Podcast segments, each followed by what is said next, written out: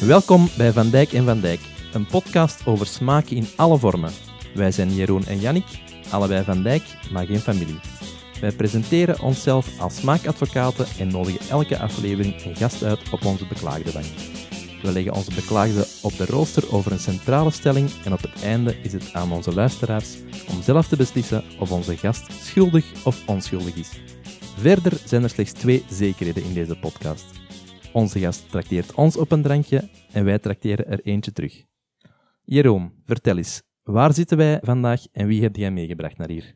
Jannik, wij zitten, uh, zoals bij de eerste opname, zitten wij terug in de Jones Foodbar in Schilde, in de Downing Street. Leuk zaaltje aan de, aan de, op de eerste verdieping. En wie heb ik meegebracht? Ik heb een wijnbouwer meegebracht, Jannik.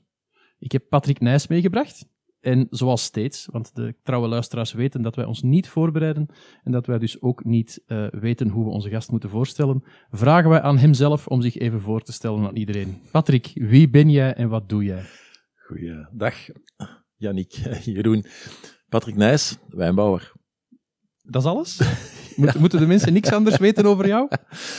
Of Wel, gaan ze jou leren kennen tijdens deze ik, podcast? Ik pleit schuldig als het gaat over smaak. Want smaak intrigeert mij, smaak uh, fascineert mij, smaak is uh, hetgeen mij drijft. Okay. Dus uh, ik denk dat ik hier met veel plezier zit. Ja, maar als je nu al schuldig pleit, je kunt de schulden bij ons afkopen met lekkere wijn. Hè? Het Daar, wordt ook de kortste podcast ja. ooit op deze manier. Dus, ik, ja. ik, heb iets meegebracht voor jullie, ja? Ja, uh, dat, dat, gaan we zelfs proeven. Klopt, ja, gaan we zelfs proeven, Patrick. Maar ik ga jou eerst de, de, de, de centrale stelling van vandaag even voorleggen. En ik kan die op twee manieren formuleren. Ik kan die braaf formuleren, of ik kan die formuleren zoals iemand met een slecht karakter. En ik Wat? moet kiezen. En jij mag nu kiezen de welke. Ma mag ik meestemmen? Ja. ja. Want ik, heb, ik, ben, ik ben zowel braaf als een slecht karakter, dus ik kan ze alle twee. Zeg maar, wat moet ik doen, heren? Ik kies voor de brave stelling. De brave stelling? Ja, ik, ga, ik ga lastig doen voor de stoute stelling. Uh. Ja, onze gast heeft altijd de, de, de, de voorkeur, uh, Jannik. Um, de brave stelling, Patrick. Hmm. Uh, wijn maken in België is voor idealisten. Klopt. Klopt? Ja, klopt, ja? absoluut. De stoute stelling zou geweest zijn, je zijt zot om wijn te maken in België. klopt ook. Klopt ook, hè. Ik kom, ja, kom een beetje op hetzelfde neer, hè. Volgende vraag. Ja, voilà, ja. Maar daar zou ik het eigenlijk een beetje over, met, met ja. jou over willen hebben, want jij bent een van die wijnmakers hier bij ons in België. Um, over de uitdagingen die daarmee gepaard gaan, over hoe dat jij dat doet, wat dat jouw filosofie is. Daar zou ik het eigenlijk eens met jou over willen hebben. Geweldig. Ja. Wat is het eerste dat in jou opkomt als ik zeg wijn maken is voor idealisten? Waar denk jij dan meteen aan? Wat, wat is de eerste horde die je moet nemen als je in België wijn wil maken? Er zijn een heel aantal uh, dingen die natuurlijk spelen. Uh, wijnbouw is altijd complex en altijd moeilijk. En in België waarschijnlijk nog een beetje moeilijker dan in, uh, in, in andere gebieden. Maar toch heb ik bewust gekozen voor België. Vaak vragen mensen, zou je dan, als je eens uh, wat gevestigd bent of, of, of wat meer ervaring hebt, zou je dan eens echt willen gaan wijn maken in een land zoals Frankrijk of Spanje? Dan zeg ik, nee. Toch naar het zuiden van Frankrijk, Patrick. Absoluut niet. dus België is, is, is, is een bewuste keuze. Um, het klimaat, het koele klimaat, intrigeert mij. Het geeft wijnen met veel elegantie, frisse zuren. En als je erin slaagt om binnen dat klimaat rijp fruit te krijgen, dan denk ik dat dat op zijn minst zeer interessante wijn kan zijn. Dus, dus, dus ik, ik, ik zit liever in België dan op de Côte Rôtie. Ik zit liever in België dan in de Barossa Valley, waar dat je bij zo'n spreken om zes uur s morgens moet beginnen, om tegen elf uur te denken van nu is het echt te heet geworden. En nu gaan we even, een voordeel van koud klimaat, dat hoort niet zo vaak. Dus ja, ja, ben blij dat er toch één voordeel is dan. Absoluut, absoluut. Dus uh, ja, ik, ik zit natuurlijk op locaties die uh, verspreid over België, veel op de Houwaardse Berg in het Hageland, waar het op zich al relatief warm is. Mhm. Um, dus ik heb daar uh, van dat koel klimaat um, uh, minder last. Mhm. Maar dat is dus al, al, al een eerste punt. Hè. Dus, dus ik vind uh, de wijnbouw in België een, een absolute uitdaging en, en, en een bewuste keuze. Uh, het klimaat is natuurlijk iets wat daar veel over gebalaverd wordt en, en waar dat uh, vaak gezegd wordt dat is een voordeel voor de wijnbouw in wat noordelijke gebieden. Dat klopt als het over de gemiddelde temperatuur gaat.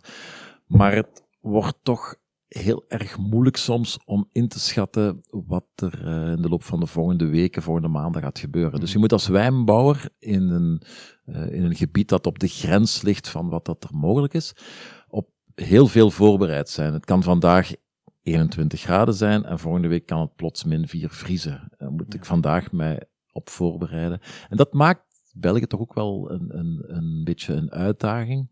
Uh, we hebben een aantal hele goede jaren gehad. Hè. 17, 18, 19, 20. 21 was wat moeilijker. Sinds wanneer ben jij begonnen met wijn maken, eh, Patrick? Wel in 17. In, 17, ja.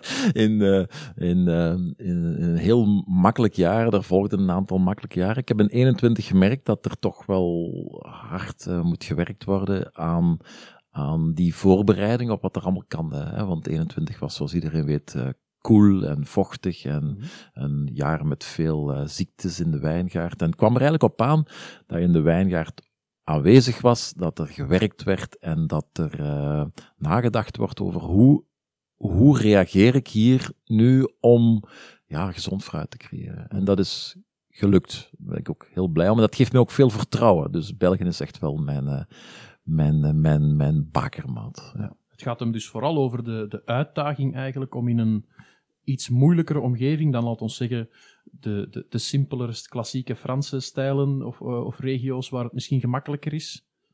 Gaat het daarom om de uitdaging? Ja, dus ik denk dat elke regio zijn uitdaging wel heeft. Maar dus inderdaad, de uitdaging om op de limiet wijn te maken en de, de typische kenmerken van dat, in dit geval koelere klimaat, um, geeft een wijnstijl die mij persoonlijk heel erg ligt. Ik vind zuren en frisheid en, en spanning uh, in wijn heel belangrijk. Als je een glas drinkt, moet dat u een tril geven. Dat, dat, maar dat moet, dat moet u, dat moet u doen, doen, ja, dat moet u smaak geven. Dat, dat, dat.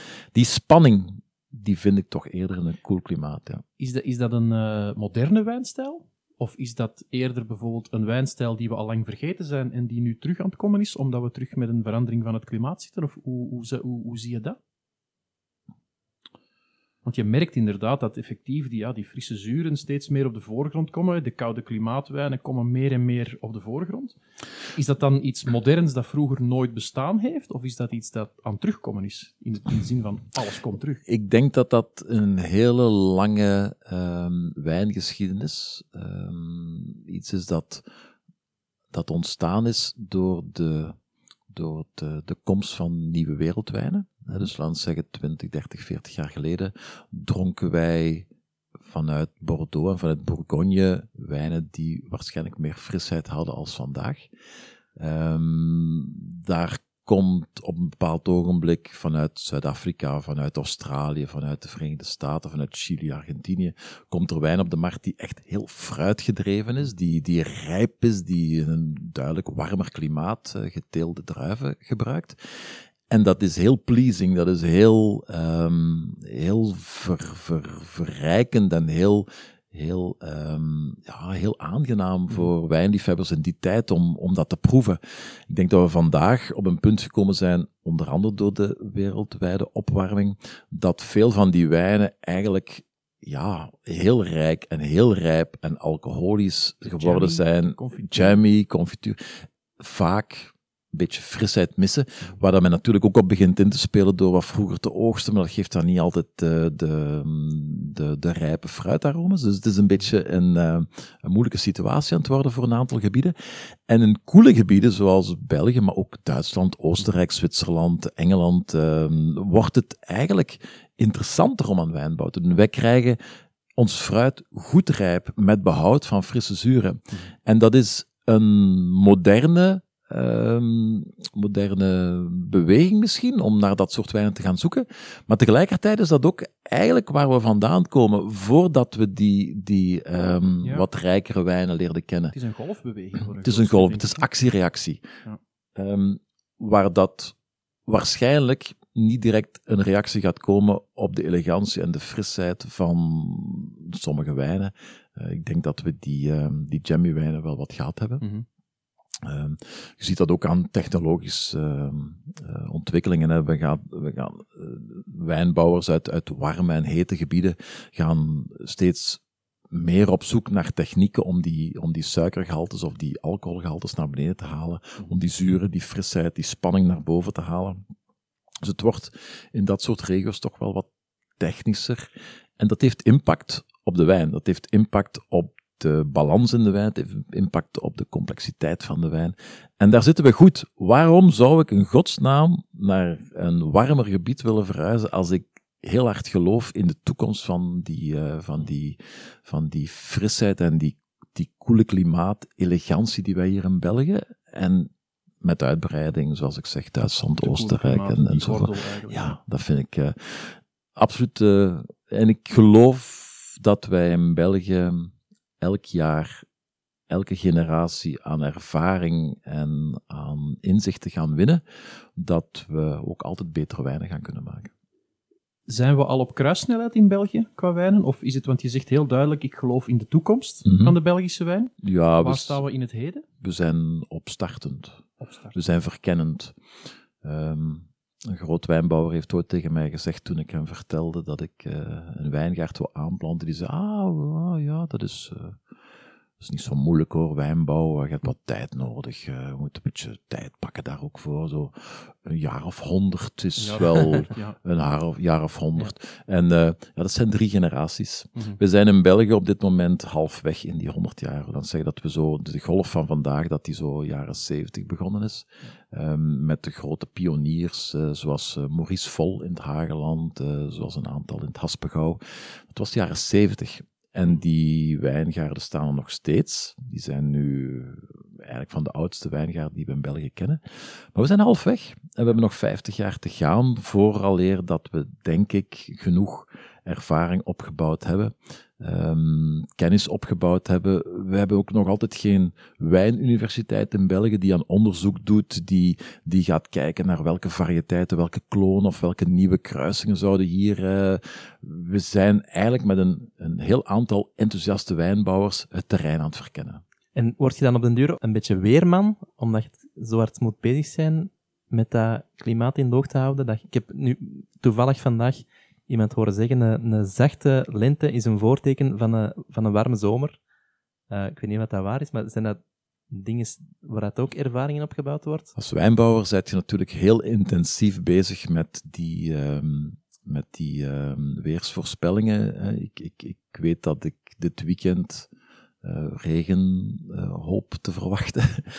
dat heeft, um, de natuur heeft dat op dit moment hard nodig, want het is al de laatste tien weken denk ik droog. Even droog. Uh, ja, dus, dus als wijnbouwer zijt je één, of nee, zijt je één met de natuur, zou je één moeten zijn met de natuur. Dat is een beetje de filosofie die wij ook uh, in de wijngaard hanteren. Dus ik maak deel uit van die natuur en ik zie dat het droog is en ik probeer erop te anticiperen.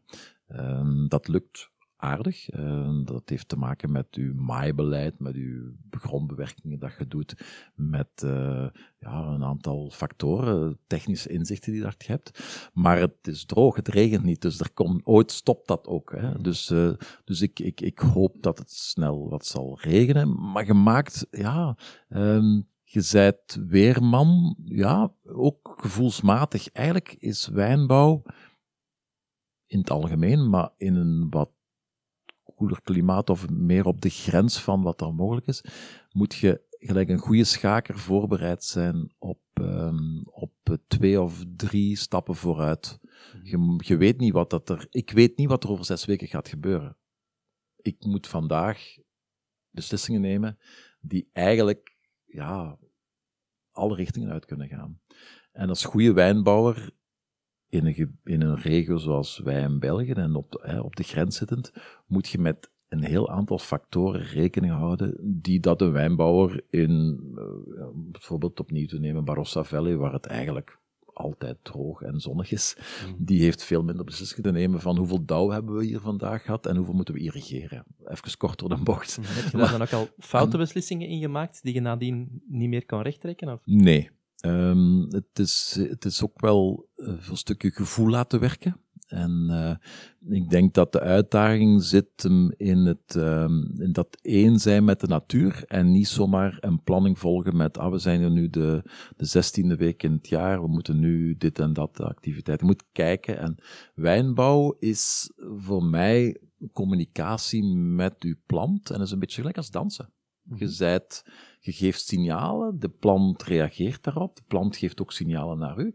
En in het begin is dat wat zoeken, je trapt op elkaar stenen en uh, je gaat uh, verder. En uh, na x aantal avonden samen dansen, komt tot de conclusie dat je elkaar gevonden hebt en dat je elkaar aanvoelt. En wijnbouw is ook een beetje zo. Dus je kunt heel veel sturen als wijnbouwer in de plant, die dat, een beetje technisch misschien, maar op op hormonenbasis. Je hebt groeihormonen, je hebt bloeihormonen. Je hebt, in functie van wat dat je doet, bladeren dat je wegneemt, scheuten dat je wegneemt, aftoppen, snoeien, zijn allemaal signalen dat je geeft aan je plant. En als je begrijpt hoe dat de plant daarop reageert, kun je gaan sturen. En kun je uw, uw uitlopen van de plant, um, uw, uw, uw trossen die verdichten, uw dieven, hè, scheuten, extra scheuten die ontstaan in de haag, kunt je perfect gaan sturen. Maar dat is kwestie van aanvoelen. Daar bestaan weinig boeken over. Dat is, dat is, dat is gevoel krijgen. Ben jij een druiventimmer, Patrick? een druivenfluisteraar. Een druivenfluisteraar, maar het klinkt wel een beetje zo. En wat ik ook heel, heel erg leuk vind, en ik heb dat al heel vaak gemerkt als ik mij met uh, gepassioneerde makers uh, babbel, die beginnen te vergelijken met muziek, of in jouw geval met dansen. Ja. Uh, ik heb het al gehad met whiskyblenders die zeggen van ja, ik blend zoals, zoals een, een jazzmuzikant zou blenden. Um, en ik hoor dat heel vaak. Ben Belmans heeft mij dat ook ooit verteld, dat hij cocktails maakt zoals, uh, zoals, ja, uh, zoals, een, een, een, een, zoals hij een muziekstuk zou componeren. En jij bent, komt nu vertellen dat je danst uh, met, met je planten. Ik vind dat heel schoon, omdat dat heel goed vertelt ook, denk ik, wat dat je doet, zonder het echt te vertellen. Ja, het is, het is, het is, het is een, um, een manier van druiven verbouwen, waar je één bent in het geheel, de natuurlijke omgeving. Anders dan het proberen dirigeren en het mhm. sturen van. Um, het is, niet echt het, is, het, is, geen eenrichtingsverkeer. Het, is, het is communicatie in twee richtingen. En er zijn heel veel dingen die de wijngaard u vertelt. Ja. En als je er zijt en het begrijpt, gaat je het kunnen verstaan en er rekening mee houden. En als je er niet zijt, of je zit op je tractor met je radioluid en je bent aan het denken van ik moet hier nog 87 rijen doen, dan mist je die signalen. Dus ik geloof wel in kleinschaligheid en ik geloof wel in veel handarbeid in de, in de wijngaard. Het op uw, op uw poep zitten in de wijngaard en stammetjes proper maken, uh, een beetje het onkruid weghalen, kijken dat de trossen, of ze, niet, of, of ze goed hangen en, en, en, en of de scheuten uh, goed geordend zijn, dat er lucht door kan, dat er uh, de zon goed aan de druiven kan, dat, uh, dat de druiven gezond zijn. Dat, is, dat, dat gebeurt door er te zijn. Het, het doet mij denken aan, ik heb toevallig gisteren een, een, een sessie gedaan met iemand van Distillerie et Domaine de Provence, hè, dus die, die, die mensen maken absinthe en pastis Henri Bardouin. En die vertelde over dus Henri Bardouin zelf. Die liep rond in zijn omgeving in de Provence. En die had de gewoonte om overal en altijd plantjes op te rapen en eraan te ruiken en ervan te proeven. om te zien wat de omgeving deed. Ook wilde plantjes. En die, die, op die manier leerde hij eigenlijk zijn omgeving, zijn, zijn, zijn uh, fauna kennen. Mhm. En dat gebruikte hij om zijn producten te gaan maken. Dus dat is een beetje hetzelfde concept, idee. Ik, zit, ik heb vandaag de hele dag in de wijngaard gezeten. Ik heb uh, komkommerbloem geproefd. Ik heb wilde venkel geproefd. Ik heb geproefd van de, van de meidoren. Uh, Ik heb zeker vijf, zes verschillende dingen gewoon geproefd uit het veld. Uh, geroken aan de wilde wortel uh, die er staat. Ja, dat is, de, dat is de omgeving. En dan kijk ik met heel veel troefheid naar sommige andere wijngaarden die eigenlijk een woestijn zijn en platgespoten zijn tegen het onkruid, zoals dat heet. En dan begrijp ik dat niet. Um, ik ga weer even stout zijn, hè, Patrick. Um, hoe zweverig is dat? Want je hoort heel veel van die verhalen uit de biodynamie in de wijn, mm die volgens de maan uh, meegaan en die s'nachts gaan dansen in de wijngaard en dat soort dingen. Um, naakt dan toch? Wat zeg je? Naakt. naakt. gaan dansen in de wijngaard en die koeienhorens gaan begraven en dat soort toestanden. Ja, uh -huh. Ehm, ja, wat, wat, is, wat is daarvan aan? Of, of hoe, hoe, hoe zit dat in jouw hoofd? Ja. Ik ben geen biodynamische wijnbouwer, Mhm. in de zin dat ik mij niet, niet strikt houd aan de, aan de richtlijnen van, eh, van Rudolf Steiner. Mhm. Maar ik ben wel overtuigd dat een aantal ehm, dingen uit de biodynamie kloppen. Mhm. Zeker kloppen.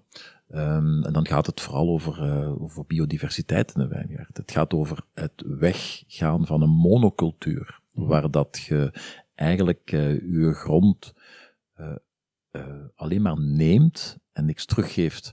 Ik geloof heel hard dat je meer moet geven dan dat je neemt. Mhm. Je moet eigenlijk je bodem, waar het eigenlijk over gaat, eh, gezond krijgen op een zodanige manier dat eh, voedingsstoffen aanwezig zijn, dat die ook effectief beschikbaar zijn voor de plant, dat die op lange termijn beschikbaar zijn. Dus je bodem moet leven vol met schimmels, vol met, eh, met bacteriën, vol met organisch materiaal dat altijd afgebroken wordt en beschikbaar is voor de plant. Je moet ervan uitgaan dat een gezonde bodem gezonde plant geeft en een gezonde plant geeft gezond fruit, dat dan weer veel minder eh, prooi is voor insecten en, en, en vraat en, en schimmelziektes. Dus dat is eigenlijk puur de filosofie van een biodynamie.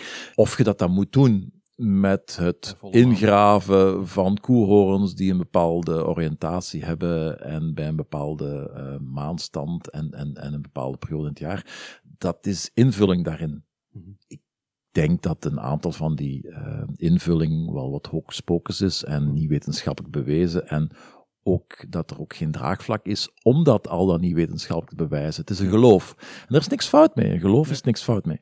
Maar ik geloof wel dat de biodynamie en de, het biologische landbouw en het, eh, de, de minder interventionistische landbouw, dat dat bijdraagt tot een gezondere bodem en een gezondere omgeving voor ons allemaal. Ja. En dat is denk ik het positieve aan heel het verhaal. En of dat dan met nieuwe maan moet, en of dat dan een bloemdag is, of een, dat, dat is invulling die voor een stuk eh, misschien eh, iets is Ja, wat en, daar in eh, gelooft of niet. Biodynamisch, dat is een, een, wettelijk, een wettelijke term, Ja, hè? Ja, dat heeft een wettelijk kader ook. Ja. eh. Eh, dus je hebt eh, conventionele wijnbouw, eh, om het even over wijnbouw te hebben. Dat betekent dat je ehm, eigenlijk gaat, vooral gaat sturen, vooral gaat nemen vaak. Hè. Ehm, en minder bezig bent met het in balans brengen van je... eh, Dat gaat over efficiëntie vooral ook. Hè? Ja, dat gaat over efficiëntie, dat gaat over opbrengst, dat gaat over hoeveel input, hoeveel output, eh, wat is de marge. Ik bedoel, dat is wat dat in de meeste gevallen nodig is om heel de wereldbevolking te voeden, laten we daar eerlijk in zijn. Dan heb je biologische eh, landbouw, die gaat dan eh, eerder eh, gebruik gaan maken van hulpstoffen of producten die van natuurlijke oorsprong zijn. Biodynamie gaat nog een stukje verder daarin. Het gaat ook eerder veel meer aandacht geven aan de manier waarop de wijn gemaakt wordt. Welke producten gebruiken we daar? om onze wijn eh, eh, stabiel te krijgen. Eh, het duurzaam of ecologisch of, of, of, of, of eh, non-interventionistisch wijn maken is niet gereglementeerd. Of gaat uit van dezelfde principes, maar er bestaat nog geen wettelijk kader rond. Voor mij is dat de manier waarop ik werk en ik probeer mij, zoals ik al zei, te integreren in die natuur, er deel van uit te maken en mij ondergeschikt op te stellen in plaats van mij op te stellen als ik ben hier superieur en ik bepaal wat er hier gebeurt. Is dat wat je op je website eh, regeneratieve Ja. viticultuur noemt? Regeneratief betekent eigenlijk dat je uitgaat van een bodem die dat lange tijd op een conventionele manier behandeld is, die dus eigenlijk voor een stukje verarmd is. Mhm. Die gaan we opnieuw ehm, gaan ja, regeneratief gaan bewerken, dat er terug meer leven in komt. Dat, eh, en dat gaat heel snel. En dat is echt fantastisch om te zien hoe dat je op vijf jaar een, een, een stuk landbouwgrond dat, dat voor een stuk uitgeput is, hoe dat je dat op vijf jaar tijd terug kunt, eh, Mhm. kunt, eh, kunt leven inblazen. En dat is, ja, je ziet dat ook in, in ik zag laatst een reportage over die, eh, voor Tsjernobyl, hoe dat na x aantal tijd, dat eigenlijk één gro- grote groene oase geworden is, waar dat eh, nauwelijks nog een huis te zien is van het overwoekerende eh, Ja, ja. groen. Dat is, dat geeft Kracht mij wel, natuur, ja, ja. dat geeft mij wel, ehm, dat geeft mij wel, wel een goede moed soms. En ehm, proef je dat ook nu al in uw producten? Ja, Ik wil, ik wil zo stilletjes aan naar die fles gaan. Gedacht, eh, dat was het bruggetje. dat is een klein bruggetje. Ja. Wel, ik, ik, ik gaf aan dat ik veel wilde venkel en komkommerbloemetjes en fas, eh, facelia en, en, en eh, veel klaversoorten. hè. Ik heb zo'n 40, 50 verschillende kruiden en bloemen die in de wijngaard staan. Die hebben allemaal een beetje een functie. Die trekken vooral heel veel insecten aan, maar die zorgen ook voor bepaalde ehm, stoffen die ze uit de lucht nemen, zoals stikstof. En op die manier zorg je voor een continue, langdurige bemesting van uw bodem, want die stikstof wordt opgenomen door de plant, wordt opgeslagen in de wortel en jaren later wordt die dan verteerd door schimmels en bacteriën en die maken dat beschikbaar voor de plant. En op die manier hoef je dus geen mest te gebruiken, zeker geen kunstmest. Hè, want het, het is allemaal aanwezig, het vraagt gewoon tijd en geduld en inzicht. En het levert ook minder op, want het Ja. is minder efficiënt in de oude zin van het woord misschien, maar het is wel de juiste Op lange termijn, op lange termijn levert het ehm, ongetwijfeld veel meer op. Ja. Eh, eh, je gaat uw bodem eigenlijk gezond houden en, en een bron van, van, van voedingsstoffen gaan geven. Maar wat je ook hebt, is dat, die, dat bepaalde van die kruiden, zoals onder andere die wilde venkel of koriander, die hebben heel veel smaak Mhm. en die geven toch een soort van symbiose met de plant, geven die smaakstoffen eh, door. En ik heb dat de eerste keer ooit gemerkt in het zuiden van Frankrijk, waar dan een soort van, ehm, een soort van ehm, eh, lavendelachtige of rozemarijnachtige plant in de wijngaard stond. En die man, die wijnbouwer, die was aan het vertellen over die kruiden en die zei van, hier ruikt er eens aan, hè? en eh, sla dat goed op. En in de tasting, uren later, kwam die geur precies terug naar boven. En, en hij, hij had als filosofie dat die geur, naarmate de wijn veroudert, komen die aroma's ehm, in de wijn stilletjes aan naar boven. Die worden eigenlijk gevormd in de veroudering van de wijn. Mhm. En ik merk, in, vooral met rode wijnen, ehm, die van die plek komen, dat er zo dropachtige aroma's ontstaan. Ah. En die zijn wel gelinkt aan die wilde venkel, die ik nu intussen toch wel heel weelderig in de wijngaard heb staan. Mhm. En die we bijvoorbeeld ook gebruiken voor onze gravalax eh, te, te, te marineren. Dus we nemen die kruiden ook mee om Ja, er... eh, letterlijk wild plukken in de wijngaard om Ja. te koken. En, Ja, en dat zijn ook allemaal dingen die daar vanzelf gekomen zijn? Nee, Of, eh, nee, daar ook nee, hebt, nee. uit- ik, eh, hebt ja, in het wild, ik zaai die, ik zaai die en eh, dan zal ik het zaad verzamelen tegen het eind van het jaar. En het volgend jaar zaai ik dat opnieuw in. Ik heb een, een hele grote populatie vogels, Mhm. die natuurlijk eh, heel gelukkig zijn, want er leeft ook heel veel, er zitten veel insecten, veel rupsen, veel, eh, dus die vogeltjes zitten daar ook eh, naar hartelust te smullen. Maar die gaan in de winter ook wel mijn zonnebloemzaden en mijn venkelzaden allemaal meenemen om de winter door te komen. Dus er blijft eigenlijk weinig, of relatief weinig van over. En ik denk dat dat ook natuurlijk te maken heeft met het feit dat ik een, beetje een eiland heb in een dorre woestijn. En al die vogels komen bij mij hun wintervoorraad inslaan. Die moest- weten, die weten moest- waar het goede plek Ja, is. moest heel de aardbol zo vol met kruiden en bloemen staan, zou ik daar minder last, tussen aanhalingstekens, van hebben. Maar ik zaai dus elk jaar opnieuw in. Ja, dat is super interessant hè, om, eh, om daar zo mee bezig te zijn. Dus, ja. Ja, dat is heel fijn, want die, die kruiden die zorgen ook dat de bodem luchtig blijft. Die zorgen er ook voor dat dus het ehm, in, in, ehm, in, in warme periodes, dat het water eigenlijk vastgehouden wordt. Want die zorgen voor een verkoelend effect. In natte periodes bufferen die even goed en gaan die het water opnemen. Dus ik had bijvoorbeeld in een eh, nat jaar zoals 21, had ik geen dikkere bessen dan in een droog jaar. Dat, eh, de kruiden en het gras en de bloemen bufferen heel veel. Als je van die, van die kruiden proeft, als je van die, eh, er zit zo'n een slangenradijs eh, zit er in, in, in dat kruidenmengsel. Als ik in een droog jaar daarvan proef, dan is dat heel pittig en pikant en is dat fantastisch om slaatjes te maken met zowat eh eh, tomaatjes, een mooie peperzout, eh, balsamico, goede olijfolie. Heerlijk. Vorig jaar in 21 was dat gewoon waterig. Ja. Waterig, dat smaakte naar niks. Dat was dik en vettig. Maar daar zat- op, Daar zat mijn water. Daar zat mijn water. Niet mijn druivelaar, die natuurlijk 40 centimeter dieper met zijn Nee. wortels begint. Dus die bufferen dat. En dat is, dat is eigenlijk geweldig. Ja. En nu spreek je over uh, uw, uw, wijngaard in, in de Houwaard, Houwaardsberg? Ja. ja, ik heb een waar heb je eigenlijk overal wijngaarden? Ja, ik heb, ben ooit begonnen in, uh, in Mazeik, dat is een klein wijngaardje, uh, waar dat ik momenteel door een, een goede vriend van mij, die beginnend wijnbouwer is, die, die probeert daar een beetje zijn experimenten op los te laten. Dus dat doet dat, die doet dat goed. Um, mijn wijngaarden liggen momenteel vooral in, in Reet, hè, dus een deelgemeente van Rumst, en in Tieltwingen en Nieuwrode. En daar zit ik echt op ijzerzandsteen. Dat is echt terroirwijn. In Reet is de bedoeling om wat meer uh, mousserende wijn te maken. Dus daar uh, zit ik op een lichte leem, dus heel fijn om mousserende wijn te maken, Chardonnay Pinot Noir. Maar in, in Houwaard, op de Houwaardse Berg en in Nieuwrode zit ik echt op ijzerzandsteen, uh, helling 10, 12 procent zuidoost georiënteerd. Beschermd door bos. En ik zit daar zo, ja, ik zit daar schoon geïsoleerd in een soort van, ja, een beetje een zonneval. Want ja. het kan er best wel warm worden. Het verschil tussen bij mij in de wijngaard op een gemiddeld zonnige dag en boven op de kam, en dan hebben we ongeveer 200 meter, is 8 graden Celsius. Mooi. Ja. Dat is veel.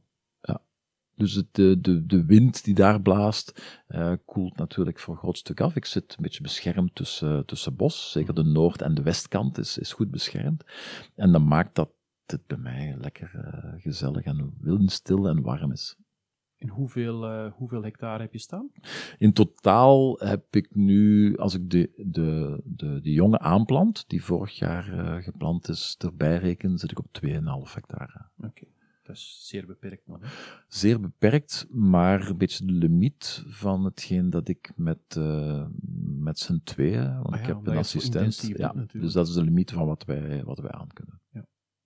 Dus als ik verder wil groeien, en dat, dat, dat zou kunnen als de juiste uh, stukjes grond beschikbaar worden.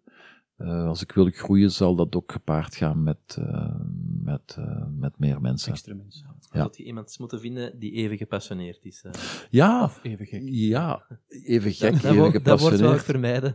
ja. ik, ben, ik ben de stouterik ja. vandaag, Jannik. Jij, jij, jij, bent de good cop. Good cop, bad cop, spelen. Ja. Maar je moet gek zijn om een wijnbouw te willen. Ten eerste, ten eerste heb je gigantische investeringen te doen. Mm -hmm. Investeringen die dus niet direct opbrengen, die pas na 15 jaar de eerste return gaan geven. Uh, dus dat betekent, je moet heel flexibel zijn, je moet veel aanwezig zijn in je wijngaard, je moet uh, toch wat inzicht en, en, kennis proberen, je moet bereid zijn om wat beginnersfouten te maken of wat leergeld te betalen. Dus je moet al gek zijn om daarin te willen investeren. Dus de passie voor wijn moet heel groot zijn. Dat, -hmm. dat compenseert alles. En als dat dan lukt, en als daar dan interessante wijn uitkomt, dan zet je natuurlijk al dat werk en al dat geïnvesteerd, zet je vergeten. Maar je moet wel een, een plan B hebben om in die 15 jaar een inkomen te hebben. Te overbruggen, natuurlijk, ja. Ja.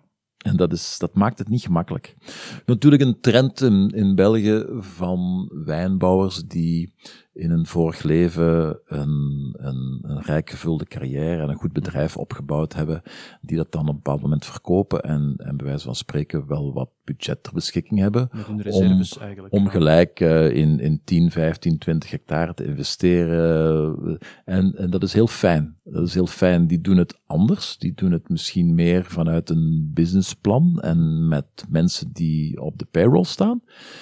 Maar we hebben ook die investeerders nodig om België voor een stuk een professionele uitstraling te geven als wijnbouwland. Dat zijn, hè, ik, ik, ik wil als voorbeeld rustig Genoel Helder geven, die ja, daar, uh, die daar ja, Van Deurzen is ook zo iemand ja. in het Hageland. Uh, er zijn er nog een heel aantal, uh, die dus echt met, met budget investeren in die Belgische wijnbouw, die daar ook hard in geloven en die misschien minder gedreven zijn vanuit hun eigen uh, wijnbouwpassie, die daar mensen voor uh, aanstellen. Maar dat, uh, dat, is, dat, is, dat, dat, pro, dat is professionalisering. Dat, dat maakt ons volwassen als wijnland. En die er ook voor zorgen dat het bredere publiek weet dat er Belgische wijn bestaat, waardoor ja de kleinere ja. mensen, zo, kleinere mensen, kleinere uh, wijnbouwers zoals jij, ja. ook mee op de kaart komen ja. te staan. Neem bijvoorbeeld Valkenvleug. Heel fijn project, heel prestigieus. Gericht op het organiseren van evenementen. iedereen die daar komt, wordt ook direct uh, geconfronteerd of maakt direct kennis met wijnbouw in België. Want je zit daar een bruiloftsfeest mee te maken dat fantastische entourage heeft met een zicht op een Belgische wijngaard, op een Belgische wijngaard. En, en, en ongetwijfeld zal 95% van die aanwezigen denken van, ik wist helemaal niet dat wijnbouw in België kon. Dus die dragen ook bij tot onze, onze, onze professionalisering in de wijnbouw. We hebben, die, we hebben dat soort projecten heel hard nodig. Die Valkenvleug staat trouwens ook hier op de kaart in Jones Foodbar, uh, de, de, de, wijn. Dus uh, ik heb hem al geproefd hier. Dus. Ja, heel fijn. Patrick, ik wil uw wijn proeven.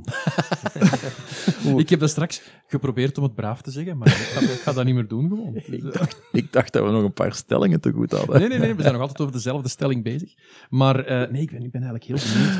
Omdat, omdat ik wil zo stil, dan hebben we heel algemeen gebabbeld, maar ik wil echt naar, naar, de wijn jouw gaan. wijn gaan. Okay. En, en hoe dat jij het bekijkt. En, okay. en we hebben er al veel over gezegd, maar...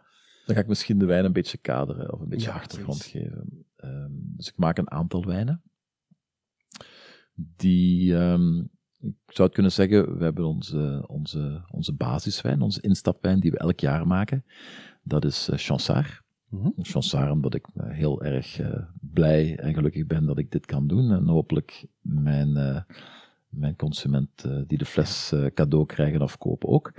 Um, maar in goede jaren, in uitzonderlijke jaren, wanneer dat zo'n klein beetje de, de eigenwijze filosofie werkt, maken we contrair. Mm Zoals de naam het zegt, contrair. Um, veel identiteit, eigenheid, uniek, moeilijk te vergelijken met andere wijn. In dit geval, ik heb een witte wijn meegebracht, de witte mm contraire, 2020. Het was een, um, een, een, lekker warm jaar. Het was een jaar waar dat ik um, me heel veel zorgen baarde over het behoud van de frisheid in de wijn. Dus, um, het was een hele warme zomer. Ja. Ik, dat, was ook het, dat was de eerste corona-lockdown ja. ook. En ik herinner mij dat ook het hele voorjaar, het voorjaar heel was warm, heel warm Ja, ja. ja, dat was een jaar waar ik heel veel verwachtingen van had. Vin, vin. ik dacht, dit is het wijnjaar. het wijnjaar. En het was een droog, consistent, warm jaar. En ik dacht, oh jee, daar gaan mijn zuren. Mm -hmm. want ik vertel, ik zit in, in, in, in, goed beschermde wijngaarden waar het nog warmer is dan in de, in de, in de omgeving. Dus uh, zuren was mijn grootste bekommernis. Dus ik heb een aantal um, uh, plukrondes gedaan. Een vroege oogst voor echt zuren te, te, binnen te halen. En dan blijft een stuk van het fruit blijft hangen. Die oogsten we dan een aantal weken later. Daar halen we dan echt de rijpheid en de, de, smaak, suikers. Daar wordt ook de alcohol gevormd. En zo is dit eigenlijk opgebouwd uit negen variëteiten. Okay. Die allemaal op uh, een periode van zes, zeven weken geoogst zijn. Elke batch is binnengekomen, is um, gekneusd. Hè, dus de bessen worden van hun, hun steeltjes afgehaald, worden gekneusd, zodat het sap vrijkomt. En dan geperst. En dan hebben we die, we werken enkel met wilde gisting. We doen ook geen klaringen, geen filtering. Dus de wijn laten we zoveel mogelijk zichzelf zijn. Mm -hmm. We begeleiden het geheel wel. In dit geval zijn er dus verschillende oogstmomenten geweest. Die komen allemaal binnen. En als ik merk dat die wilde vergisting goed verloopt, dat die eerste fase, en dat is echt zo de, dat zijn echt de wilde gisten die heel veel complexiteit geven en die ook wel vaak een eigen karakter geven aan de wijn. Als ik merk dat dat goed verloopt, werd die wijn overgebracht naar de tank van de andere variëteiten. Zo komt er gedurende zes, zeven weken het fruit binnen dat we persen, laten opstarten en als het goed verloopt, bij de rest. Een soort van co-fermentatie. Ja, ja. Ik geloof heel hard in die co-fermentatie, omdat al die variëteiten, die negen variëteiten in dit geval, die hebben eigen smaakkenmerken, hebben eigen karaktereigenschappen. Door die samen te laten vergisten, krijg je complexere moleculen, smaakmoleculen. Um, in het Engels noemt dat de congeners. Dat mm -hmm. zijn eigenlijk uh, voorlopers van, van, van smaakmoleculen. Door veel variëteiten samen te laten vergisten, krijg je naar mijn gevoel veel meer complexiteit en krijg je interessante wijn. En negen variëteiten, voor alle duidelijkheid, daar bedoel je met negen verschillende druivenvariëteiten? Ja. Ja, het gaat dus hier over Riesling, het gaat over Chardonnay, het gaat over Pinot Blanc, Pinot Gris, maar het gaat over, over Solaris, Phoenix, Orion, Sirius, Bacchus. En dat zijn meer die experimentele, nieuwere, Sommige, ja, sommige zijn echt klassieke variëteiten, Vitis vinifera zoals dat heet. Andere zijn de nieuwere variëteiten, hybrides, die minder schimmelgevoelig zijn, maar die ook een eigenheid hebben. En door die samen te laten vergisten, krijg je uiteindelijk een resultaat, wat dus onze Contraire 4 geworden is. Heeft eh, heel lang op zijn gist gerijpt, Mhm. waardoor dat ik ook een zekere smeugheid, een zekere body krijg. Niet op hout, niet op hout, ehm, en is dan eh, gebotteld. Zonder toevoegen van veel ehm, additieven. Een beetje, beetje sulfiet voor de wijn, heel beperkt de wijn tegen oxidatie te beschermen. Ja. Vooral voor mezelf, om een gerust gevoel te hebben als ik die fles meegeef met een klant. Ik weet niet wat dat die met die fles gaat doen. Ja, gaat hij ja. die in zijn keuken bewaren? Heeft hij daar een mooie kelder? eh, wijn moet tegen een stootje kunnen. En daarvoor een heel klein beetje sulfiet. Maar zonder eh, filter, zonder klaring, zonder eh, enige ander additief is die wijn eh, gemaakt. En eh, ik ben er zelf heel blij mee. En mijn restaurants waar we mee samenwerken ook. Dus de wijn staat bijvoorbeeld in het Hof van Klever bij toch Jan op de kaart. dus dat zijn... Dat Want zijn, er dat zijn niet veel van. Nee, nee, nee, niet veel. Dus daarom is het ook zo belangrijk om, om wijnliefhebbers te vinden die, ehm, die de wijn kunnen, kunnen appreciëren, kunnen inschatten. En het is, ehm, ja, het is wat het is. Het is wat het is. We maken hier een, eh, een duizendtal flessen van. Eh, wat ook al weer niet weinig is. Maar toch, ik, ehm, ik verkoop die, die wijnen bij ons in de winkel ehm, ik verstuur die wijn ook niet. Ik, Mhm. heb zo een beetje een probleem dat een of andere courierdienst dat bij u op de stoep komt afzwieren. Ik, Ja, ja. ik wil graag de mensen die die wijn straks op tafel in gezelschap gaan drinken, ik wil die ontmoeten, ik wil, die, ik wil daarmee spreken, ik wil, dat ze, ik wil die leren kennen, ik- ook omgekeerd dat ze mij leren kennen. Ja. En, want dat vertelt ook een beetje achtergrond van de, van, van de wijn. En je weet hoe dat is. Als je bij een wijnboer geweest bent en je hebt daar wijn gekocht, als je die fles opentrekt, zit je terug in gedachten daar aan tafel, Ja. in die kelder. En dat vind ik zo fijn. Ik vind dat zelf ook zo fijn. Het is vooral fijn als, als die, terwijl dat je het proeft, ook het nog klopt met Ja. je herinnering. Ja. Want heel vaak is het ook zo, en dat is, dat is algemeen denk ik, dat je op vakantie bent in Zuid-Frankrijk en het is goed weer en je komt bij zo'n lokaal wijnboertje, degustation de vin, en dat is super lekker, want het is, dat is heel goed gekoeld en de zon schijnt en, Hm? en je komt thuis en je doet dat terug open en Ja. Ja. dat, dat klopt niet meer. Nee, je zit daar op het terras. eh, Ja. stel, je drinkt een fantastische Retsina met zicht op de blauwe zee. En, en dan kom je thuis, het is guur weer, het regent, je hebt een open haard aangestoken en die Retsina Het is zicht plots- op de grijze lucht. Ja, dat is, dat is, dus dat is, eh, ja, de, de ambiance, de omgeving is wel een belangrijke factor. Wijn is wat dat betreft een gevoelsproduct. Hè. Ja. Ja, absoluut. Ik denk alle producten, alle soorten dranken of alles wat, wat gemaakt is om te proeven, zou dat moeten zijn voor mij. Zeg Jeroen, Ja, heb je glazen mee? ja, die staan hier naast. Oké. Ze staan hier al heel de tijd klaar, Patrick. Ik denk dat, dat de kunst van het verhaal is van net de klik andersom te maken. Dat je, als je thuis komt, terug te proberen denken aan. Ah, maar ja, maar dat bedoel ik. Reis, Dat het, bedoel eh, ik. Dus eigenlijk zou dat product dat vanzelf moeten terug oproepen. Het is zo Vind ik. erg soms, die, die discrepantie in sfeer en omgeving, dat ik soms denk, maar dit is helemaal de wijn die dat ik geproefd heb. Nee, die voilà. mensen hebben mij iets anders ja, meegegeven. ja. dat is hopelijk Dat niet zo, maar... Dat is, dat is die, die psychologie van het proeven is toch ongelooflijk boeiend, vind ik dan. Ja. Want eh, ehm, ik merk dat ook heel vaak, dat als je iets proeft en, en het is eh, de, samen met iemand die je sympathiek of aangenaam of leuk vindt, dan is dat ook lekkerder. Zeg maar, nu heb jij mijn boodschap niet begrepen. Hè? Zeg eens. Ik vroeg al, zijn de glazen er? Ik ben de fles aan het open doen. Ja? Ik wil, Moet ik wil nu wel zelf ook eens proeven. Ah, ja, ja, ja. en ik zie Janiek al denken van, potverdorie, wanneer gaat die fles nu eindelijk open? Ah, ja, ja, voilà, ja, voilà. maar het is op komst nu. Hè. Ja, ja, Ja, ja, het is op komst, hè. Dus de, flex, de fles is gewakst. Ja, dus ja. eh, ik eh, knal de wax gewoon, de kurk door de wax. Dat is, eh, Ik heb trouwens, eh, Heb ik, mag dat, ik, mag dat, ik mag dat vertellen tegen de, tegen de luisteraars. Ik, heb, eh, ik ben eens een keertje langs geweest bij jou in de, de Urban Winery in het centrum van Antwerpen Mhm. eh, op een middag.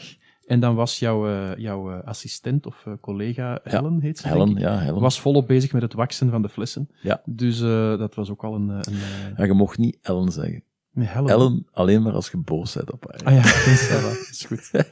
Heel uitzonderlijk Ja. zei ik, Ellen! dat zijn niet onze Maar wat mij- wat maar mij- dat is uitzonderlijk. wat, mij, wat mij opviel toen ze daarmee bezig was, was de absolute precisie waarmee dat ze die waxing Ja. aan het doen was. Ja. En die moesten allemaal in de juiste hoek Ja. gewakst zijn. Klopt.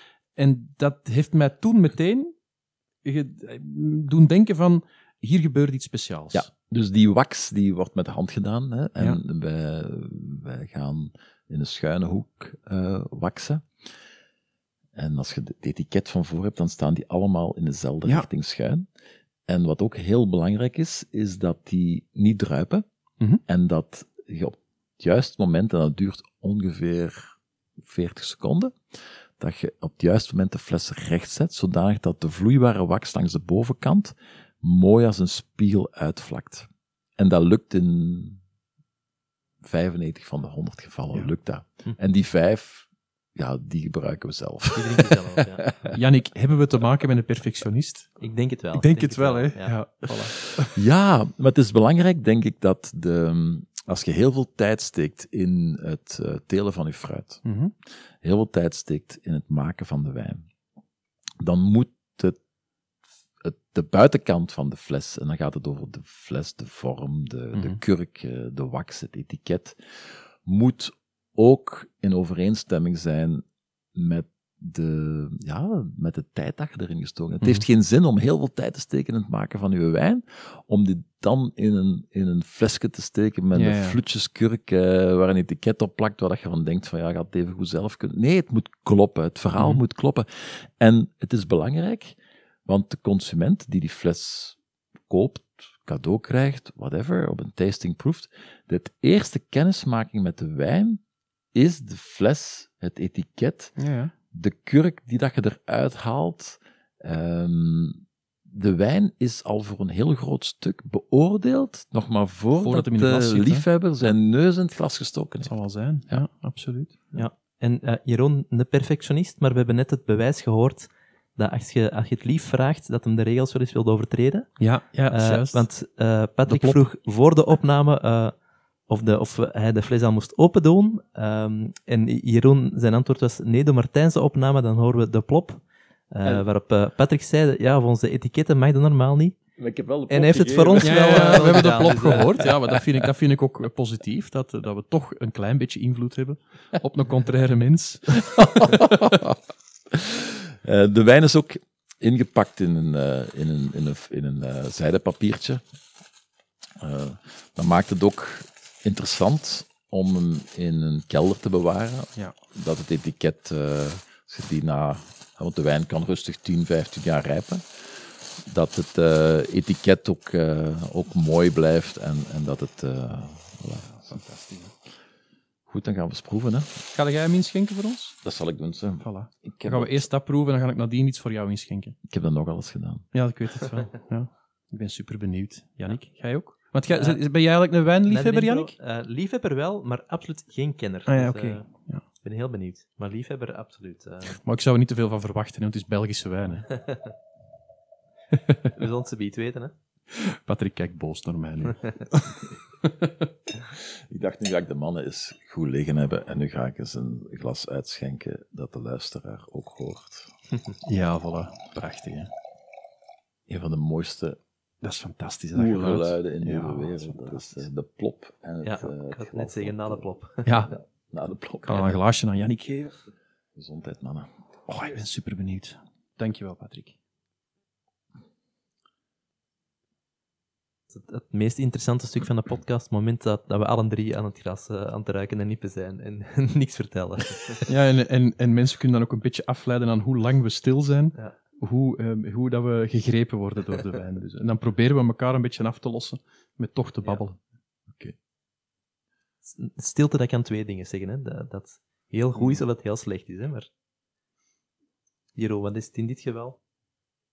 Ik heb alleen nog maar geroken, maar ik ben al helemaal mee met het, eh, met het hele verhaal. Wat mij ook opvalt is, eh, Patrick, dat je hem niet super koud geschonken hebt. Dat dat ook belangrijk is, denk ik. Absoluut. Ik drink mijn, eh, mijn witte wijn, zeker een wijn zoals dit, waar toch eh, redelijk veel aroma's in zitten, veel body, veel frisheid van zichzelf. Ik heb amai gefluisterd in de micro. Oh my god. dus die wijn heeft die koelte niet nodig om fris te zijn. Nee. De koelte gaat de wijn alleen maar voor een stukje gaan eh, verarmen, doodmaken. Dus ik hou, graag, ik hou van keldertemperatuur. Mhm. Ook bij ons in de winery, tijdens tastings, 12 tot 14 graden. Zowel wit als rood. Rood misschien nog zelfs nog iets naar de 15, 16 graden toe. Maar wij drinken over het algemeen onze witte wijn veel te koud en onze rode wijn veel te warm. Ehm, merk ik eh, een, een, een, witte wijn in een ijzemmer steken, Mhm.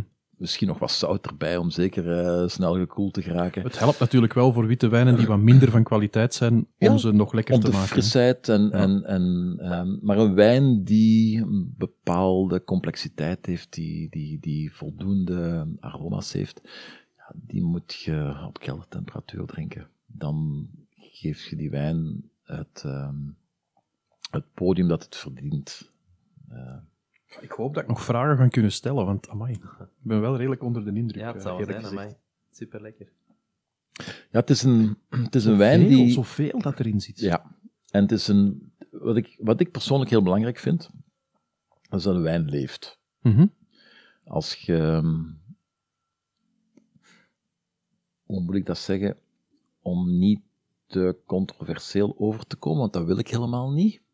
Ik, ik maak op een natuurlijke manier wijn, Mhm. maar ik doe dat niet als een, als een statement. Ik maak op een natuurlijke manier wijn. Ik gebruik dus geen additieven, geen gisten, geen bacteriën, geen klaringsproducten, geen filters. Waarom doe ik dat? Omdat ik heel hard geloof dat als je een wijn, ehm, een levende wijn, laat gisten en laat rijpen en, en, en, en, en uiteindelijk bottelt en in de fles laat verder rijpen, dat je eigenlijk altijd complexere wijn krijgt. Ik zie dat in mijn hoofd als een omgekeerde driehoek. Je begint eigenlijk van simpel fruit Mhm. met alleen maar primaire aroma's. Eh, dat zijn vooral eh, appels en, en, Mhm. en, en, en misschien wat citrus en, of, of in het beste geval wat steenfruit. Maar in de gisting gebeurt er heel veel. Die suikers die hebben aroma's gevangen, die komen vrij. Door met wilde gist te gebruiken, gaat je heel veel verschillende giststammen hebben die achtereenvolgens een proces en je krijgt heel veel aroma's die, die complexiteit geven. In de rijping gaan die met elkaar gaan reageren, gaan die, zoals we het noemen, veresteren. En er gaan nieuwe aroma's ontstaan, op vat eventueel in de fles. En door die wijn ongemoeid te laten, door alle componenten te behouden, krijg je alleen maar bredere Mhm. wijn die dat meer complexiteit geeft. Helemaal iets anders dan de wijn die gemanipuleerd wordt, die voorgeklaard wordt eh, met cultuurgisten, cultuurbacteriën, eh, nog eens geklaard wordt, gefilterd wordt. Je gaat eigenlijk een wijn terugbrengen tot iets heel generisch, En heel voorspelbaar. voorspelbaar Ja. en ook heel breed inzetbaar. Ja. Want Ja, iedereen vindt het wel lekker en verfrissend. naar wijn, zeg ik dan. Ja, en er is echt niks fout mee. Nee, Dat zijn wijnen die voor de, de meeste wijndrinkers zeer goed zijn. Mhm. En verfrissend zijn en gezellig zijn. En Ja, ja. het gaat over de sfeer. Het wijn- leidt niemand af van Nee. de situatie en van wat ze aan het doen zijn. De wijn die ik maak, hoop ik als die op tafel komt, dat die het gespreksonderwerp wordt. Elke keer dat je in het glas ruikt, gaat je nieuwe aroma's. Je hebt de confijte citroen, je hebt het steenfruit, je hebt florale Ja. aroma's, je hebt, je hebt appel, je hebt een beetje nectarine dat er doorkomt. Naarmate de wijn meer lucht krijgt, komen er, komt er een zekere kruidigheid of cardamom eh, om de hoek kijken. Wijn is nog jong, het is 2020. Ik denk als Mhm. we die over tien jaar opnieuw zouden proeven, dat we nog veel meer Ja, ja, eh, dat andere aroma's gaan hebben. Maar dat is eigenlijk de reden waarom ik mijn wijn zo eh, natuurlijk mogelijk maak en ongemoeid laat, omdat ik op zoek ben naar een, een, een complexe Mhm. wijn die structuur heeft. In dit geval Ik zei het al, de zuren waren mijn grootste bekommernis. De wijn heeft mooie, frisse zuren, die komen vooral van de Riesling. Riesling heeft zo fijne, elegante zuurtjes, zo krokant. En tegelijkertijd is de wijn rijk en vol en met veel body. En heeft best wel een zekere afdronk ook. Ja, een, een, een, anekdote misschien. Ik had vorige week een vriendin van mij die zegt: Ja, Patrick, ik heb een. Uh, ik heb een feestje volgende donderdag uh, met asperges, witte asperges, mm -hmm. uh, met een botersausje. Wat gaan we daarbij drinken? Wat, wat, wat denkt ik? Zeg, ja, contraire vier, hè? Ja, zegt ze, dat is goed, want ze hebben mij gezegd dat goede wijn mag zijn. Het mag ook wat kosten. Uh, dus ik ga dat doen. Ik pak drie flesjes mee. Dat is wat maximum dat je kunt kopen. Ja, ja. Uh, drie flesjes, pak drie flesjes mee. Ze komt op dat feestje onder vrienden. En degene met zijn asperges, die ik die ken, die zegt, oeh, heb jij contrair mee? Dat is veel te jong. Geef dat maar hier, ik leg dat in mijn kelder. Ze hebben dus geen ja. contrair gedronken. Die ah, man, ja. dat was de slimste van een hoop. Die heeft nu drie contrairs in zijn kelder liggen en die gaat hij waarschijnlijk over vijf of over tien jaar een keer open doen. Ja, dat, de, de wijn is daar eigenlijk voor bedoeld. Ja, ik denk, ik denk ook dat ik dat proef, dat, dat, dat, dat het dat zeker gaat aankunnen, dat dat, dat dat enorm gaat evolueren doorheen de jaren. Ik ben nu al heel de tijd aan het proberen denken van, ik ben daar ook heel slecht in, Patrick, om, om zo tasting notes te geven of wat ik juist proef.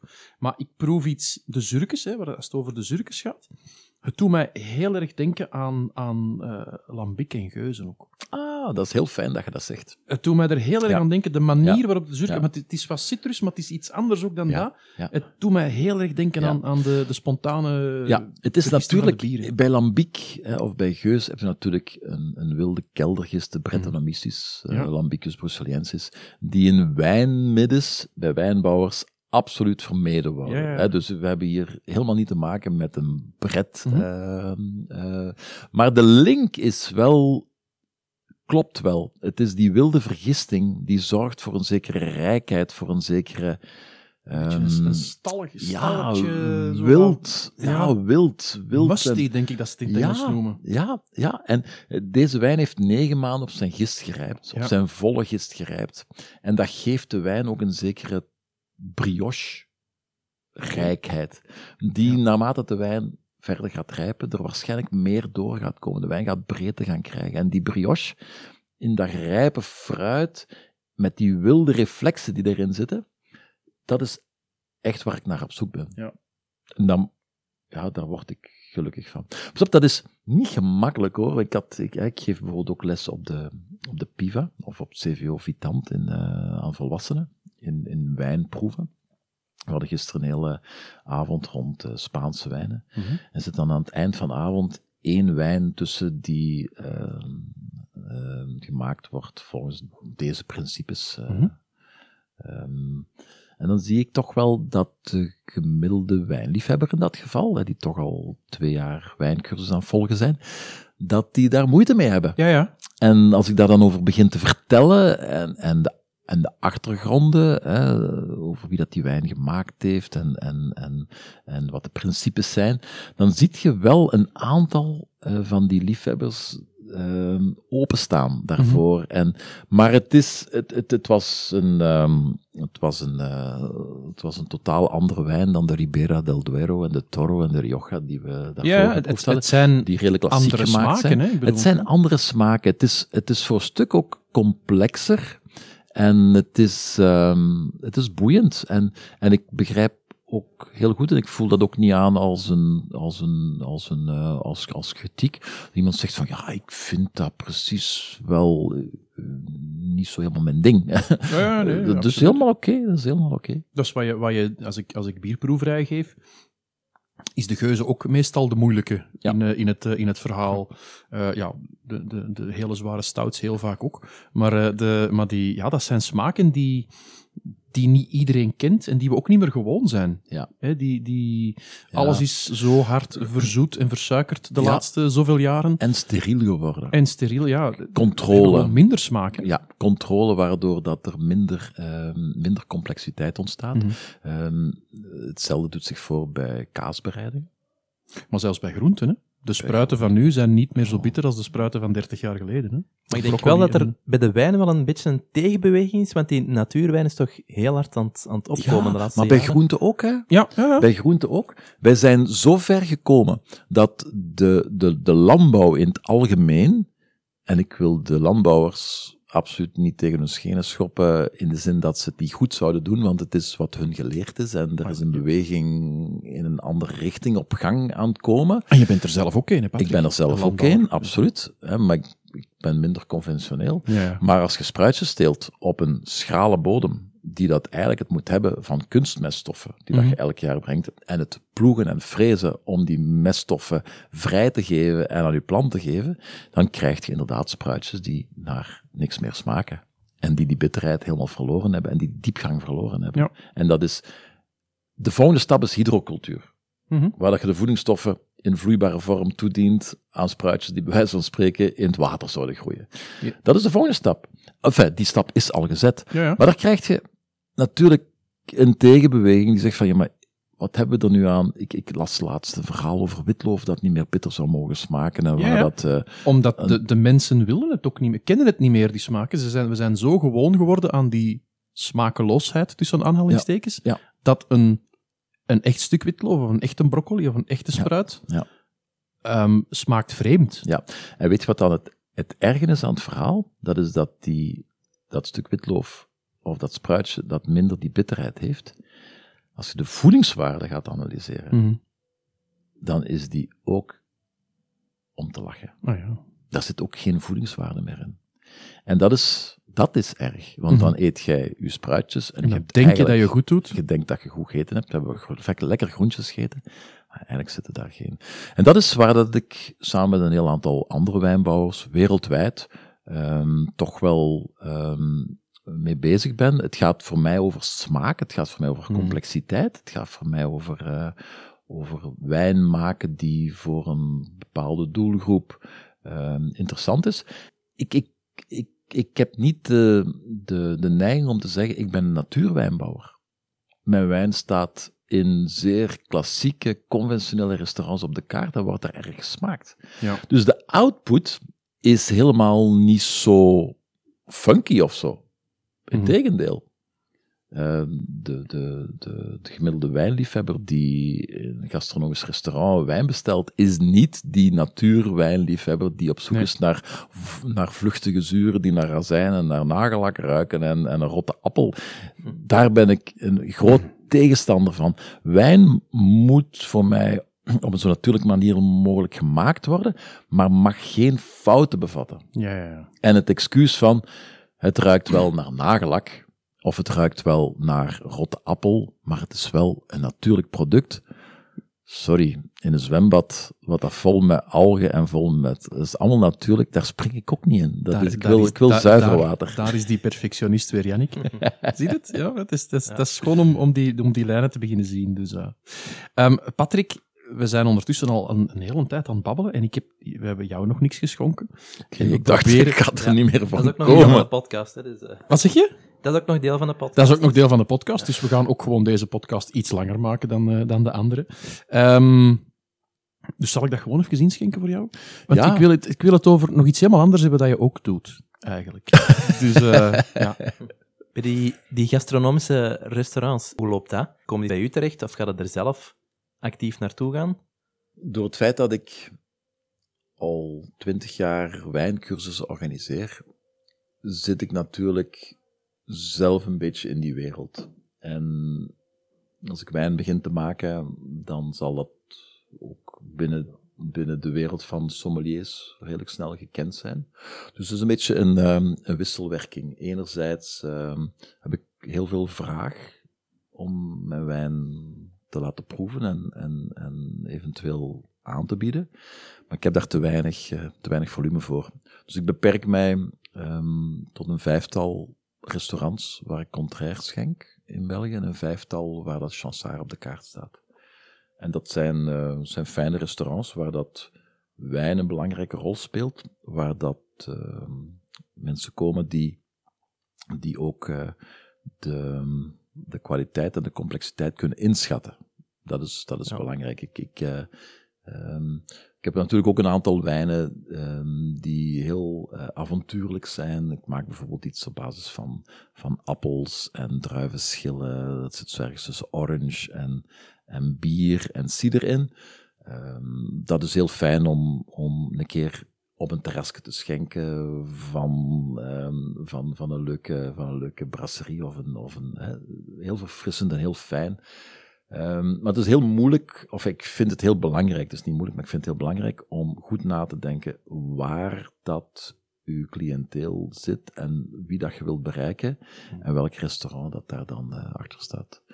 Bijvoorbeeld de Cellar de Can Rocca in Girona was zo een van die restaurants uh, die plots, uh, plots op, de, op antenne komen en zeggen van kijk, uh, wij willen graag uw wijn een keer proeven.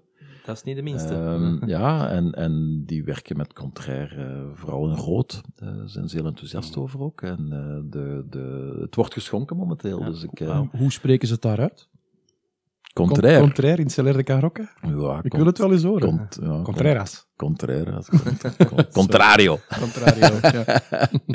ik heb zo, ik heb zo een, een, een, wijn dat ik af en toe eens maak, maar dat is meer experimenteel. En omdat dat zo beperkt is, noemt dat miljard. Miljard, ja. miljard. En ik had dat meegepakt naar daar. En de, de sommelier um, vraagt mij, uh, meneer Rocca vraagt mij, miljard, che significa? Wat betekent dit?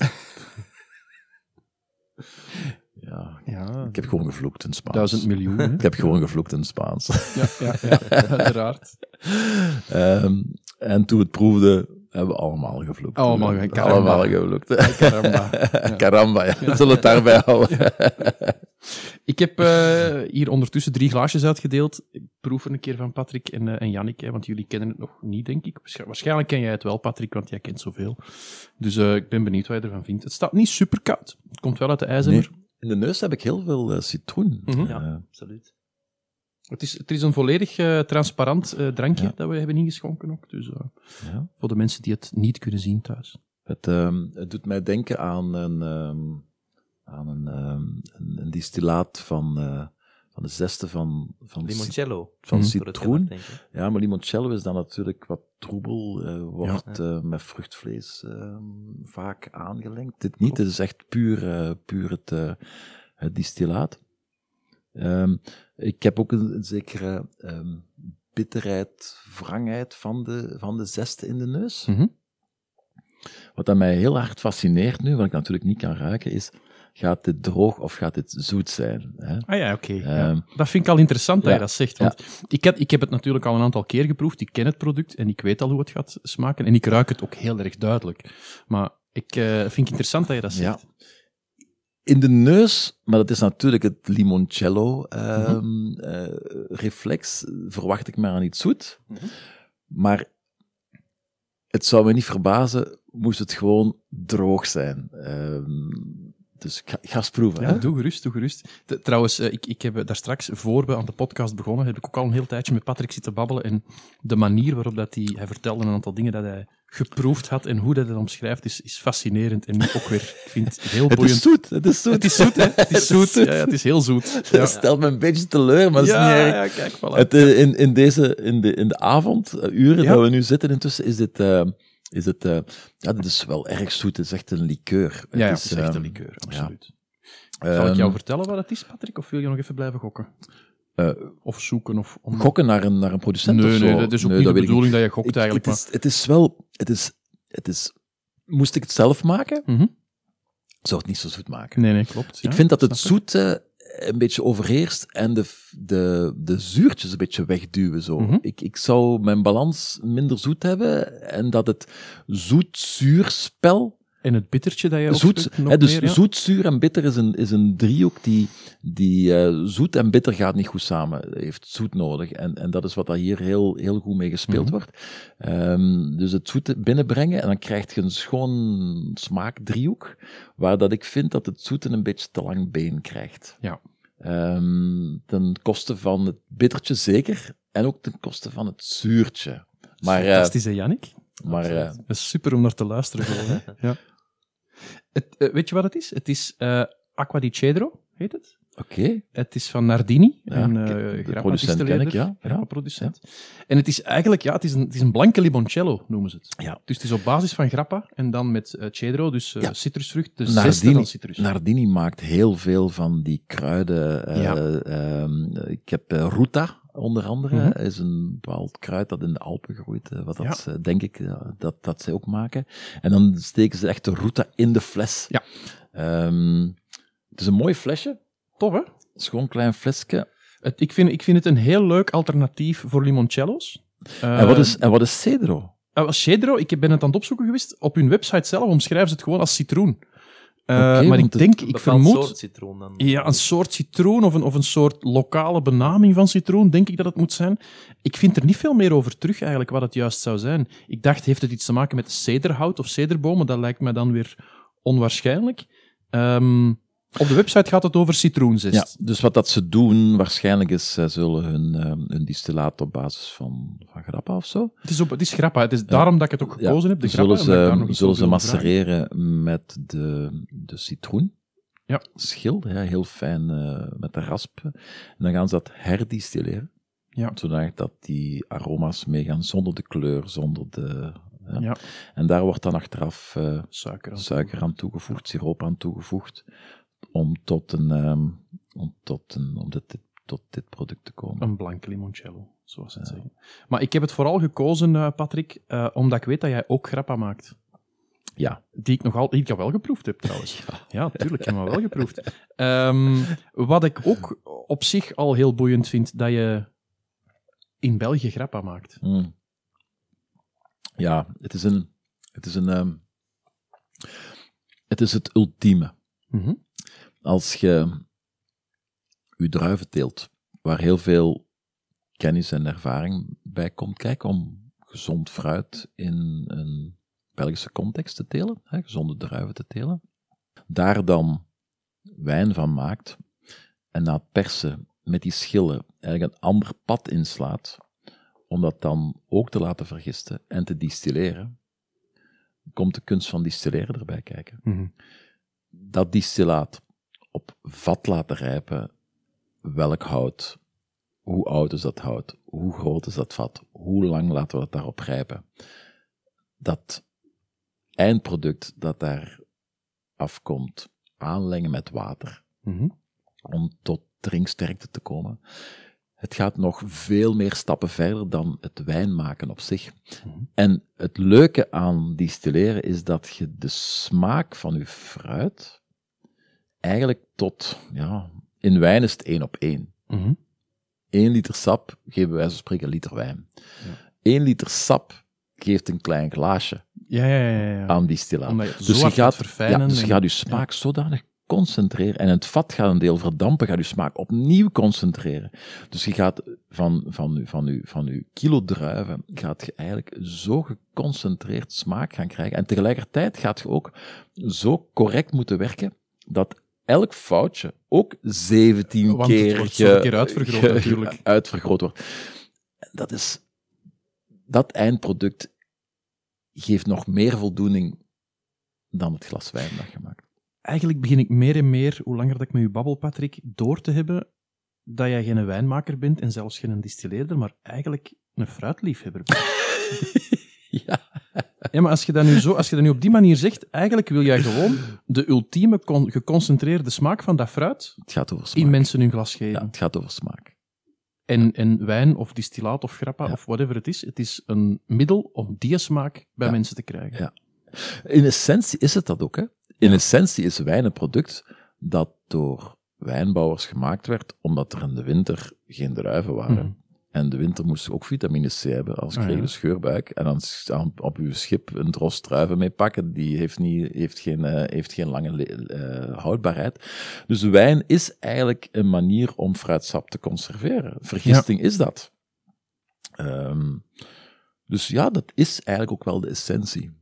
Wijn is niet bedoeld om, ehm, om, om met grote hoeveelheden achterover te slaan en half zat in uw, in uw bed te kruipen. Nee. Nee, wijn is bedoeld om een expressie te zijn van het fruit, van de plaats waar het fruit geteeld werd, van de hand van de wijnbouwer die het bewerkt heeft en die er iets mee gedaan heeft. En daardoor krijg je een zekere identiteit die dat herkenbaar is. Dat vind ik fijn. En dat is wat mij drijft. Mhm. Dat is waarom ik elke week drie, vier, vijf dagen liefst met mijn blote voeten in het veld sta om met mijn handen aan die druivelaars te werken. En eigenlijk, ja, is dat, dat is wat u drijft. Dat is wat mij drijft. En, en komen we dan weer terug bij wat je er straks zei over dansen met de wijnstokken Ja. of over de vergelijking met muziek. Ja? Is het een kunstvorm om eigenlijk uw eigen persoonlijkheid tot uiting te brengen? Ik vind dat belangrijk. Ik vind dat belangrijk. Ehm, een generisch product maken is minder mijn interesse. Ik vind het fijn, en ik geef het voorbeeld van het dansen met de druiven, maar het is ook dansen met uw tank. Het is ook dansen met het gistenvat. Ja. Dat is ook communicatie. Ruiken aan uw vat en bepaalde aroma's ruiken en denken van, eh, wat is er aan het gebeuren? Wat moet ik nu doen? Moet ik het van het vat afhalen of niet? Eh, m- moet ik iets aan met de temperatuur doen? Moet ik het, eh, moet ik het lucht geven? Moet ik... Er zijn heel veel dingen dat je kunt doen met uw gistend vat, wat uiteindelijk uw eindresultaat gaan bepalen. Eh, eh, ik heb het dan niet over het toevoegen van stoffen, en het, hè, maar, maar dus je kunt... Wijn, ze noemen dat ook elevage, Mhm. de opvoeding van een wijn. Ah. Ja. Je kunt je kinderen opvoeden door hele nauwe lijnen uit te tekenen en te zeggen van kijk, ik vind dat je architect moet worden. Mhm. Er is geen discussie, je gaat geen voetballer en geen violist worden. Je gaat En zeker geen worden. danser. En Ja. zeker geen danser. Ja. Je kunt niks meer verdienen. Ja. Je wordt architect en we gaan u in die richting sturen. De kans dat dat een goede architect wordt, is eigenlijk klein. Hm. Als je naar je kind luistert, naar de talenten luistert van een kind, en je gaat die in die richting gaan begeleiden, en je trekt je krijtlijnen veel breder. En je gaat wel ingrijpen als het fout loopt. Je gaat wel zeggen van, kijk, je mocht jij doen wat dat je wilt, wat dat je goed bent, we gaan u daarin steunen, we gaan u daarin begeleiden. Maar als je straks kook gaat snuiven, ga ik wel reageren. Ja, ja. Dan gaat het erover. We gaan geen Dat pesticiden gebruiken. We gaan geen pesticiden, we gaan geen herbiciden of insecticides gaan gebruiken. Nee, dat doen we niet. We gebruiken ook geen klaringsproduct. Enfin, je gaat die lijnen heel breed gaan trekken. Maar je luistert naar je wijn en je probeert elk jaar van het fruit dat je geteeld hebt, het beste resultaat in het glas te krijgen. Ja. En dat dat niet zelden is in 21, wat een koel en nat jaar was, als in 20, wat een warm en droog jaar was. Dat is toch normaal? Ja, want uw kinderen zijn ook allemaal verschillend. Tuurlijk. Ja. En Ja. dat vind ik zo fijn, dat je elk jaar opnieuw probeert met het resultaat wat dat je had, om daarmee iets te maken dat een expressie is van het jaar, van de druiven dat je gebruikt hebt. Zoals, zoals ooit iemand eh, kunst omschreef als de allerindividueelste expressie van de allerindividueelste emotie. Zoiets. Of expressie, zei die zeker. Expressie, hè? Ja, dat heb ik gezegd. heb ik gezegd, denk ik toch. We zullen het nadien herbeluisteren. Wie was dat eigenlijk die dat zei? Oh, Oh, Willem Kloos of zoiets? Het was een of andere dichter vroeger. In het slechtste geval knippen we het eruit en doen we dat nog eens. En dan... Ja, nee, voilà. Ik zal het er wel over plakken. Ja, dus, eh. dat hoeft niet. Ehm, Ehm, een van de luisteraars zal u daar wel... Oh, eh, ongetwijfeld zullen we dat wel, eh, ja. de komende vijf jaar moeten horen, elke keer als ik het over gedichten heb of zo. Ja, als Germanist, als opleiding. Oei, oei. Oh my god. Ehm, Patrick, ik denk dat wij stilletjes aan gaan afronden. Jannik, klopt dat? En nog wat genieten van de wijn. Ja, absoluut. Ik heb, eh, ik heb er enorm van genoten, van met u te babbelen. En ik ben er zeker van onze luisteraars ook. Is er nog iets dat jij tot slot wilde meedelen aan de mensheid? Aan de mensheid. Ja, want iedereen ter wereld gaat dit beluisteren. Nee, maar ik wil zeggen, is er nog een boodschap dat je kwijt wil of dat je even nog wil zeggen? Het is de moment. ja, misschien zijn er gelijkgestemden of mensen die twijfelen en denken van, goh, ik zou dat ook graag doen, wat houdt u tegen? Eh, ik zou zeggen, begin op een eenvoudige locatie bij u in de tuin, misschien eens wat stokjes te zetten, gelijk dat jij ook ene stok hebt. Ik hè. heb ene stok en ik ben al heel blij dat die elk Ja. jaar overleeft, die Patrick. overleeft. Dus, eh, voilà. dus dat is de volgende stap, is dat je er misschien vijf plant. En, en Ja. dat je, en dat, nee, ehm, ik denk dat er, dat er als, je er, ehm, als je er passie voor voelt, voor, voor wijnbouw, dat het, ehm, dat het wel het moment is om in België in die, in- op die trein mee te stappen. Ehm, er is zoveel te beleven en je gaat zoveel respect krijgen als je het, gelijk dat je een jazzliefhebber bent, Mhm. dat je denkt van, ik ga ook eens wat muziek spelen. Je koopt je een saxofoon en je denkt van, oei, verdorie, ik krijg hier helemaal niks uit. En jaren later kom je tot de conclusie dat hetgeen dat je hoort, dat dat hetgeen is dat je voelt. Mhm. Dan denk je van, voilà, nu heb ik de sound te pakken. Zo is dat met wijn ook. Je, je begint aan iets en, en dat lukt allemaal niet zo goed. Maar na verloop van tijd krijg je daar een, ehm, eh, toch wel respons en feedback van de wijn zelf, waar je van denkt van, dit heb ik gemaakt, dit is iets wat dat Mhm. is zoals ik verwacht had dat het was. En dat is een van de fijnste momenten, denk ik, als je, als je een wijnliefhebber bent. Het gewoon doen. Als je er een beetje zot, als je een beetje zot bent, gewoon zot doen. Ja. Van een wijnbouwer. Jannik, wat een leuke mens, hè? Ja, absoluut. Ik denk dat dat eh, mooie woorden zijn om mee af te sluiten. Eh, ik wil net alleen even zeggen dat je, ja, dat je kunt stemmen op onze stelling. Ja. Ik vermoed dat we het antwoord al weten dat het schuldig gaat zijn. Eh, maar voor de volledigheid zal ik toch even vermelden dat je eh, via Spotify eh, kunt stemmen. Ja. Alright. Voilà, daarbij gaan we echt afronden. Patrick, heel erg bedankt om tijd te maken om met ons te babbelen. En wij kijken al uit naar de volgende opname binnenkort. We weten nog niet meer wie, maar het zal minstens even plezant worden. Graag gedaan. Bye bye. Tot de volgende. Tada.